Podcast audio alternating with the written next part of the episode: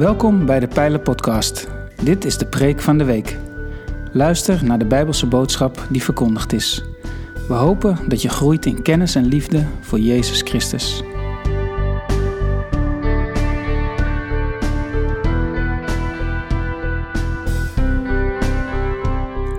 In juli en augustus werken we in de Pijler traditioneel met een zomerpreekrooster. Er zijn geen preekseries. Elke dienst staat op zichzelf. In de beschrijving van elke podcast kun je vinden wie er heeft gepreekt en uit welk Bijbelgedeelte. Goedemorgen allemaal. Leuk jullie weer te zien. Ook al zijn het er uh, veel minder dan uh, eigenlijk aanwezig zouden mogen en kunnen zijn. Maarten begon de dienst met uh, een episode die voor mij heel belangrijk is. Als u niet met ons optrekt, doen ons van hier niet vertrekken. En hoe God staat in de relatie met ons. Dat hij eigenlijk gevraagd wil worden: ga met ons mee in het proces van het leven. En dat is voor ons als evangelische soms een klein beetje moeilijk, omdat bij ons het accent vaak ligt op de zekerheid van eeuwig leven. En mijn focus is veel meer. Ik wil niet zozeer op de zekerheid van eeuwig leven focussen, maar op het eeuwig leven zelf. Hoe ziet dat eruit? En dat is een proces van leven met God. En dat leven met God, daarin gaat God met ons mee. En zingen we ook over zijn trouw. We hebben ook gezongen over het lam. Wat eh, de hoogste openbaring is van wie Jezus werkelijk is. Het lam van God dat de zonde van de wereld wegneemt. Maar ook het lam van God die laat zien hoe God is. En hoe God zich openbaart aan ons, aan een kruis. En staat heel erg in contrast met beelden die wij vaak willen hebben. Dus ik heb de titel gegeven van Jezus heeft een vraag voor jou.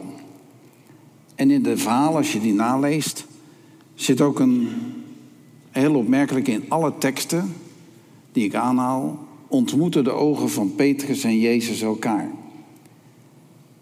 Jij en ik gaan door het leven van ontmoetingen met Jezus naar ontmoeting met Jezus naar ontmoeting met Jezus. Waarin Jezus steeds meer openbaart wie die is. En doordat Hij zich openbaart wie Hij is, worden wij ook overtuigd van wie wij zijn. Die twee gaan altijd samen. Niet waar? Als ik stil word voor de Heer, komt er altijd bij mij iets naar boven van waar ik zelf zit. En waar ik moeite mee heb. Waar ik nog niet op Hem lijk. Of waar Zijn geest nog niet bij mij heerschappij heeft over mijn kracht van mijn persoonlijkheid. Dus we gaan aan de hand van het leven van Petrus in vier ontmoetingen eens kijken hoe dat proces dat God met ons optrekt naar wat? En hoe Jezus zich daarin openbaart. En steeds weer die vraag: wie zeg jij dat Jezus is? En wat zegt dat over jou? De eerste ontmoeting die Petrus heeft, is helemaal aan het begin van de Bijbel, van het Nieuwe Testament. En dat is dat Andreas, zijn broer, bij Johannes de Doop is geweest en Jezus ontmoet en ziet dat dat de Messias is. Althans, en dan in de context van de bevrijder van Israël van de Romeinen. Zo moet je dat een beetje lezen. En dan neemt hij Petrus mee naar Jezus. Even de context, hè. Het land is onderdrukt door een overheerser, de Romeinen, zeg maar de Tweede Wereldoorlog, door de Duitsers. En Andreas ontdekt de bevrijder. In die context staat dat woord Messias. En Peter zegt, oh ja joh, heb jij die ontmoet? En dan gaat hij naar Jezus toe. En dan staat er het volgende. Jezus keek hem aan en zei, jij bent Simon, de zoon van Johannes, maar voortaan zul je Kefas heten. Dat is Petrus trots. Nog een keer terug. Het land is bezet. Je leeft in een nationalistische maatschappij. Je bidt in je religieuze ontmoetingen voor een bevrijder. En je wil niets liever dan dat het land weer bevrijd wordt van de Romeinen, zoals God ook het land bevrijd heeft van Egypte en noem maar op andere overheersers. En dan zegt je broer, ik heb hem gevonden. Ik heb de bevrijder gevonden. Onze held. Onze strijder. Wat voor beeld moet Petrus gehad hebben? En het wonderlijke is dat de Bijbel dan niets zegt over wat Petrus ziet in Jezus, maar wel zegt wat Jezus in Petrus ziet. En dan zegt Jezus, ik weet wel wie je bent. Jij bent Simon. Dat betekent riet. Jij waait met alle winden mee. Er hoeft maar wat te gebeuren of je mening komt dan naar boven. En zo kennen we hem ook. Jij bent Simon. En je bent de zoon van Johannes. Ik ken ook je geschiedenis. Ik weet ook waar je vandaan komt. Ik ken je vader, je moeder, je overgrootvader. Met alles wat daar gebeurd is. Ons leven met Jezus begint bij onszelf. Met de bagage die we meenemen als we hem het eerst ontmoeten. Wie we zijn, wat we meegemaakt hebben, onze afkomst, onze tekortkomingen, ons riet zijn. Maar er is hoop. Want direct Jezus, en zo hoef je niet te blijven, jij mag worden een rots. Sterker nog, theologisch, wij mogen worden zoals Jezus. Van heerlijkheid tot heerlijkheid mogen wij veranderen naar zijn aangezicht, mogen we meer op hem gaan lijken. En ten diepste willen we dat ook allemaal. We willen toch op Jezus lijken als Jezus volgers, of niet? Heel stil is het in de zaal. Dat is wat we geloven. Maar tegelijkertijd, iedereen van ons zegt, ja maar ho even, ik ben Jezus niet. Het confronteert ons altijd weer met wie wij zijn. Maar daar begint wel het proces, de hoop dat wij kunnen veranderen, meer en meer op Hem kunnen lijken. En dan gaan we naar de tweede ontmoeting. In de tweede ontmoeting krijgt Petrus een openbaring. Dat is waarschijnlijk 2,5 jaar later. Jezus heeft allemaal tekenen en wonderen gedaan. Er gebeurt van alles. Hij heeft les gegeven. En dan komen ze in een stadje, Caesarea Philippi. Ligt in het noorden van het land. En dat is een Romeinse stad. Met heel veel afgoden. Het is ook een religieus centrum van de Romeinen. En midden in dat centrum van religie overheersing, andere culturen, vraagt Jezus een vraag. Toen Jezus in het gebied van Caesarea Philippi kwam, vroeg hij zijn leerlingen: Wie zeggen de mensen dat de mensenzoon is? En ze antwoordden: Sommigen zeggen Johannes de Doper, want u preekt een prediking van bekering. Anderen Elia, want u doet wonderen en tekenen. Weer anderen Jeremia, want u bent zo bewogen met de mensen. Of een van de andere profeten. Toen vroeg hij hun, en wie ben ik volgens jullie? U bent de Messias, de zoon van de levende God, antwoordde Simon Petrus. En dan vervolgt Jezus met de volgende woorden. Gelukkig ben je Simon Barjona, want dit is je niet door het mensen van vlees en bloed geopenbaard, maar door mijn Vader in de hemel. En ik zeg je, Jij bent Petrus. De rots waarop ik mijn kerk zal bouwen en de poorten van het dodenrijk zullen haar niet overweldigen. Heel opmerkelijk. Als Petrus een openbaring krijgt van de Vader, niet uit eigen wijsheid, ook niet zozeer de onderwijs. Er gebeurt iets tussen hemel en aarde. God gaat met hem mee en openbaart hem wie Jezus is. En zegt hij, Jezus is de Zoon van God, de mensenzoon, de Zoon van God. Wat Peters daar verder bij inbeelde, kom ik zo meteen op terug. Maar hij krijgt de openbaring. Jezus is meer dan Johannes de Doper. Jezus is meer dan de leer rondom de doop of rondom bekering. Pas op dat we Jezus niet limiteren tot van, en als jij je niet bekeert en niet gelooft dan. Dat geldt wel en dat is wel waar. Maar pas op dat je hem niet limiteert. Jezus is ook niet Elia. Hij is meer dan Elia. Ik kom uit de Pinksterbeweging en dan lijkt het wel eens dat Jezus alleen maar tekenen en wonderen mag doen. En in alles geloven we ook altijd alleen maar in tekenen en wonderen. En is er geen enkele plek meer voor het lijden of voor de weg die we soms moeten gaan zonder tekenen en wonderen. Want Jezus is meer. We hebben allemaal een neiging een openbaring van God te krijgen en die dan te limiteren tot wat wij denken dat dat in moet houden. En maken we van Jezus een beeld wat hij niet is. Een baptistenbeeld, een pinksterbeeld, een katholiek beeld, een protestant beeld. Zo is Jezus. En ik ga je wat vertellen. Jezus is niet in zo'n beeld te vangen. Jezus leren kennen is een proces van steeds meer openbaring van hoe geweldig Hij is. De grootste verrassing in mijn leven de laatste jaren is, is dat Jezus inderdaad een lam is en niet een leeuw. We zingen wel de leeuw en ook het lam, maar in openbaring wordt het leeuw maar één keer genoemd en het lam vijf keer. God verkiest op een gegeven moment zich te openbaren als een lam aan een kruis, waarin hij zijn liefde laat zien voor jou en mij. Niet alleen om de straf van de wet te dragen, die ons veroordeelt, maar om ook de liefde van de Vader te zien die zegt, zo ver ga ik met jou mee in alles wat je doet, dat ik zelfs voor jou wil sterven. En openbaart hij dus de liefde van God en de genade tegenover de wet. Wat zien mensen in Jezus? De redder, je verlosser, je herder. Een sociaal bewogen iemand, een Jeremia. En dat mag. Ik zie dat ook in hem. Maar tegelijkertijd weet ik, hij is meer. Jezus zegt dan, de Vader openbaart je dat.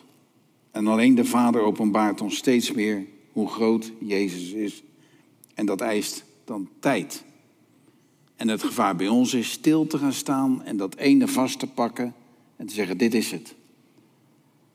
Als Jezus dan later zegt, even later hoor, direct daarna, maar de mensenzoon zal moeten sterven en wordt overgeleverd aan de religieuze leiders en ik zal sterven en de derde dag opstaan, dan neemt Petrus hem apart, terzijde. En dan zegt hij, dat gaat nooit gebeuren, hè, Jezus. Want u bent mijn held, u bent mijn redder, u bent mijn beeld. En dan zegt Jezus, ga weg achter mij, Satan. Hoe? Door Jezus te limiteren, kunnen we wel eens aan de verkeerde kant komen te staan. En dat bedoel ik niet onder een oordeel of zo, maar je mist het. Hij is groter. Kunnen wij ruimte geven in ons leven dat Jezus groter wordt en groter wordt en groter wordt? Dat hij zich meer en meer aan ons openbaart. De derde ontmoeting is de verloochening. Petrus heeft er een houtje van, zoals jij en ik, om het steeds weer net fout te doen. Je kent rattenplan misschien nog wel uit Robbedoes. Dan springt hij in de armen van zijn baasje, maar het is altijd net te kort of net te ver. We willen het wel graag, maar iedere keer, ah, ik zit er net weer naast. Ik heb het weer net niet te pakken. Komt vooral omdat we het met ons denken en onderwijs denken te bereiken. Terwijl als we tijd bij Jezus doorbrengen, de Vader ons dingen openbaart. Samen met het onderwijs en samen met alle heiligen. Eerst heeft Petrus al meegemaakt dat hij een openbaring heeft. En dat Jezus hem corrigeert van maak die openbaring niet te klein. Beperk dat niet. Dan komt de verlogening. Nog steeds zit Petrus met dat idee, het moet door geweld, het moet door overwinning, het moet door kracht. Jezus heeft genoeg onderwijs gegeven dat dat dan niet, niet de weg is. Maar toch slaat hij, pakt iets zwaard in Gethsemane, slaat hij een oor af van een Romeinse dienstknecht. En zegt Jezus, dat is de weg niet. Peter, je hebt het nog steeds niet gezien. En dan heeft Jezus de woorden uitgesproken, voordat de haan kraait zul je me drie keer verraden. Oh nee, dat zal ik nooit doen. En dan gebeurt het. Als je dat verhaal leest, is het een heel gevoelig punt. Als Petrus bij dat vuurtje staat en er komt een leuke jonge meid naartoe met mooie blauwe ogen. Hé, hey, jij hoort er ook bij. Uh, de grote Petrus. Nee, nee, ik ken hem niet. En dat gebeurt dan drie keer. En tenslotte begint hij zelfs te vloeken van ik ken de man helemaal niet. En dan kraait hij aan. En Jezus die op een platform staat voor de hoge priester. Als de haan kraait, staat er en Jezus draaide zich om en keek Petrus aan. En die ogen ontmoeten elkaar. En dan staat er, de Heer draaide zich om en keek Petrus aan en toen herinnerde Petrus zich de woorden van de Heer. Nog voor en vannacht een haan heeft gekraaid, zul je mij driemaal verloochenen. En dan staat er, hij ging naar buiten en huilde bitter. En ik hou van die woorden. Ik ben een beetje opgevoed dat je alles van de Bijbel precies moest weten. En al die kennis en Bijbelstudies en noem maar op, hoe goed ze ook zijn, brachten me niet altijd dichter bij de Heer. Maar mijn verdriet en mijn erkenning in mijn eigen tekortkomingen hebben me wel dichter bij de Heer gebracht. Mezelf leren kennen in de ogen van Jezus, in zijn vergeving, in zijn genade, baant de weg naar Jezus zien voor wie die werkelijk is. Jezus zag hem aan. Is het niet heerlijk om te weten dat Jezus ook naar jou kijkt? Ook vandaag. Maakt niet uit wat er gisteren gebeurd is. Maakt niet uit hoe je over hem denkt. Maar hoe kijkt hij je aan? Hoe zijn de ogen van Jezus naar jou? Is dat die leraar die je een cijfertje gaat geven? Ah, je hebt wel een goed beeld van mij, je krijgt een zeven. Ah, je hebt een goed beeld van mij, je krijgt een acht. Nee, jij niet. Jezus' ogen zijn ogen vol van liefde, trouw en genade. De ogen van een lam. En hij kijkt ons aan en hij is er voor ons. En het confronteert ons met hoe we naar onszelf kijken. Voor Petrus waren er maar twee blauwe ogen van een ander nodig om hem aan het wankelen te brengen. En Jezus kijkt aan naar Petrus en is Jezus boos? Nee. Is hij teleurgesteld? Nee. Is hij zielig? Nee.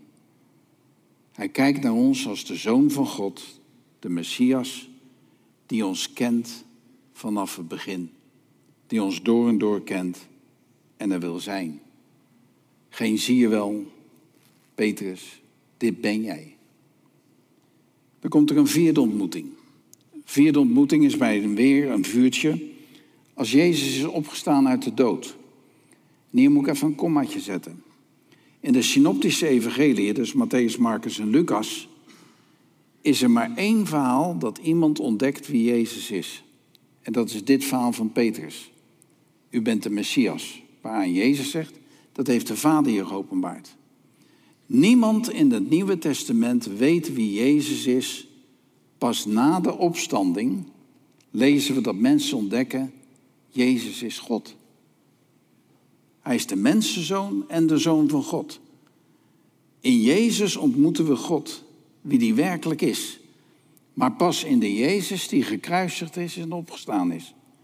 Dat kruis kan je er niet uithalen. Vandaar dat in de verhalen van de synoptische evangeliën niemand snapt wie Jezus is. En daar hele eigen beelden bij hadden. De meeste een politieke figuur die ze zou verlossen van de Romeinen. En nu komt dat verhaal na de opstanding. Velen koppelen dat aan het vuurtje van de verloochening, maar dat is niet correct. In Lucas 24, als de Emmausgangers ook de openbaring hebben gehad wie Jezus is, dan komen ze terug bij de discipelen en dan staat er in Lucas 24, ja, de Heer is waarlijk opgestaan, want hij is aan Simon Petrus verschenen. Er is dus een verschijning geweest tussen Jezus en Petrus voor dit moment wat ik nu gelezen, waarin hoogwaarschijnlijk dat akkefietje opgelost is. De laatste was de verloochening. Jezus sterft, Jezus staat op. En ergens op de eerste dag van de opstanding hebben Simon Petrus en Jezus elkaar ontmoet. En de Bijbel zegt niks over wat daar gezegd is. Leuk hè? Leuk toch? Jouw vuile was hoeft niet aan de opganger te worden. Dat is tussen jou en Jezus.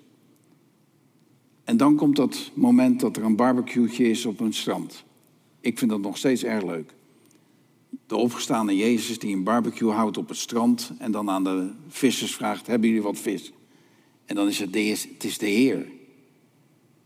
Geef mij een heleboel hoop voor de toekomst, dat de Heer toch van barbecue'tjes houdt na de opstanding. Dan gaan ze naar het strand. Petrus is de eerste weer, Haantje de voorste rent naar het strand. En dan staat er dit in Johannes 21. Toen ze gegeten hadden, sprak Jezus Simon Petrus aan. Simon, zoon van Johannes, heb je mij lief? En dit is echt de vraag. Heb je me lief? Niet weet je alles van me? Niet ken je me heel goed? Niet van heb je je studie volbracht? Heb je de juiste geloofsbeleidenis? Petrus, heb je me lief? En die vraag stelt Jezus drie keer, met steeds een verschillend woord. Kan je een hele mooie preek over houden, maar eigenlijk draait hij de duimschroeven steeds wat verder aan. Petrus, het gaat niet over wat je doet, het gaat niet over wat je van me denkt en al die dingen meer, wat je leert. Het gaat erom, heb je me lief? God is liefde. En als er een openbaring van Jezus komt wie die werkelijk is, zullen we dat in een liefdesrelatie moeten ontdekken. God houdt van jou. Hij heeft je lief. En hij vraagt, heb je mij lief? Ja, Heer, want ik ben voorganger geworden. Ja, Heer, want ik preek. Zo kan ik bij mijn vrouw niet aankomen. Ik ben anderhalf jaar geleden getrouwd. En, nou ja, je bent 70 en je gaat op, opnieuw trouwen. Beetje vreemd. Want je weet wat dat is. En op een dag zou Hanne bij mij in huis komen wonen.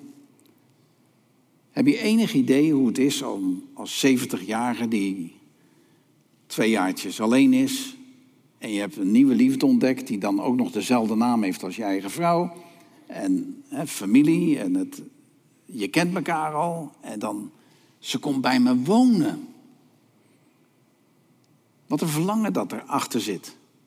Wauw, ze komt bij me.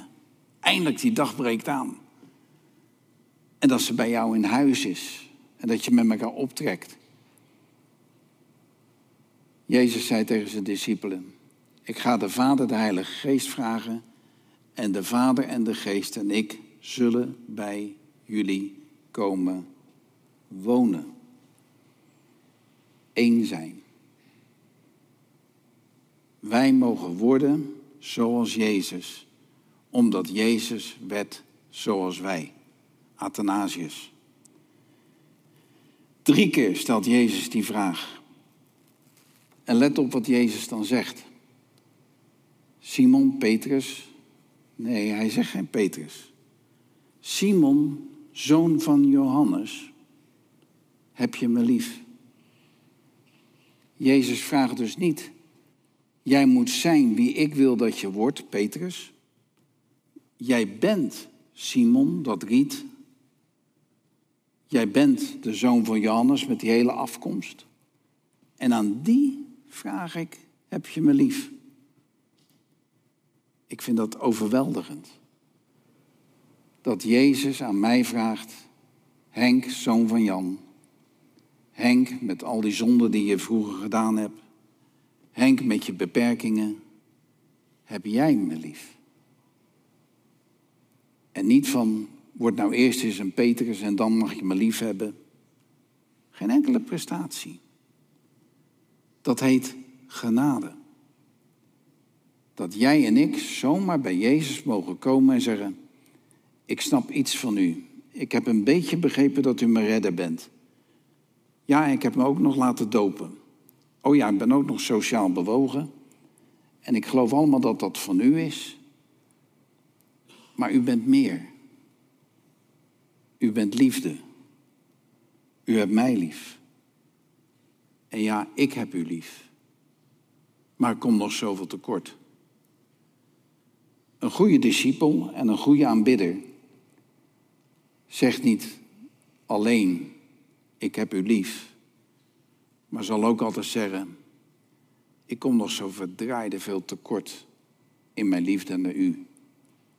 Herken je dat? Ik zou wel graag nog meer van u willen houden. Maar ik kom nog zo vaak tekort. Wat ben ik toch nog vaak verdraaide egoïstisch. Een goede discipel zegt daarom niet hoeveel die van Jezus houdt, maar erkent waar hij of zij nog zoveel in tekort schiet. Dat roept bij mij altijd één ding op. Ik heb zo vreselijk veel behoefte aan stil te worden bij Jezus. In zijn aanwezigheid te komen. Niet zo hard roepen wat ik allemaal weet. Maar te zeggen, Heer, ik heb u lief. Maar kom nog zoveel tekort. Ik heb nog zoveel openbaring van u nodig. U bent zoveel meer dan wat ik beseffen kan. U bent zoveel meer dan wat ik weet. U bent God. U bent liefde. U bent mijn heiland, mijn redder, mijn verlosser. U bent het lam. Maar ik wil u meer zien. Verlos me daarom van mijn eigen ikkie, die het zo beperkt maakt. Verlos me van die eigen wijsheid, dat ik denk dat ik weet wie u bent. Verras me met uw liefde. En stel alsjeblieft die vraag steeds weer opnieuw. Wie zeg jij dat ik ben? En wat zegt dat over jezelf?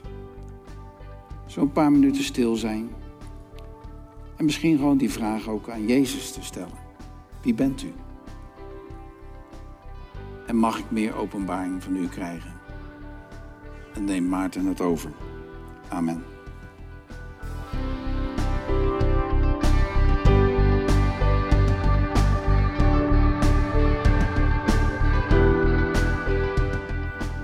Bedankt voor het luisteren naar deze aflevering van de Pijlen Podcast, Preek van de Week. Heb je vragen naar aanleiding van deze preek? Stel ze. Dat kan via een e-mail naar onderwijs.pijler.nl. We helpen je graag verder in je groei als leerling van Jezus Christus. Abonneer je op deze podcast, zodat je altijd op de hoogte blijft van het onderwijs uit de Pijler. Goede week gewenst, ga in vrede, want God is nabij.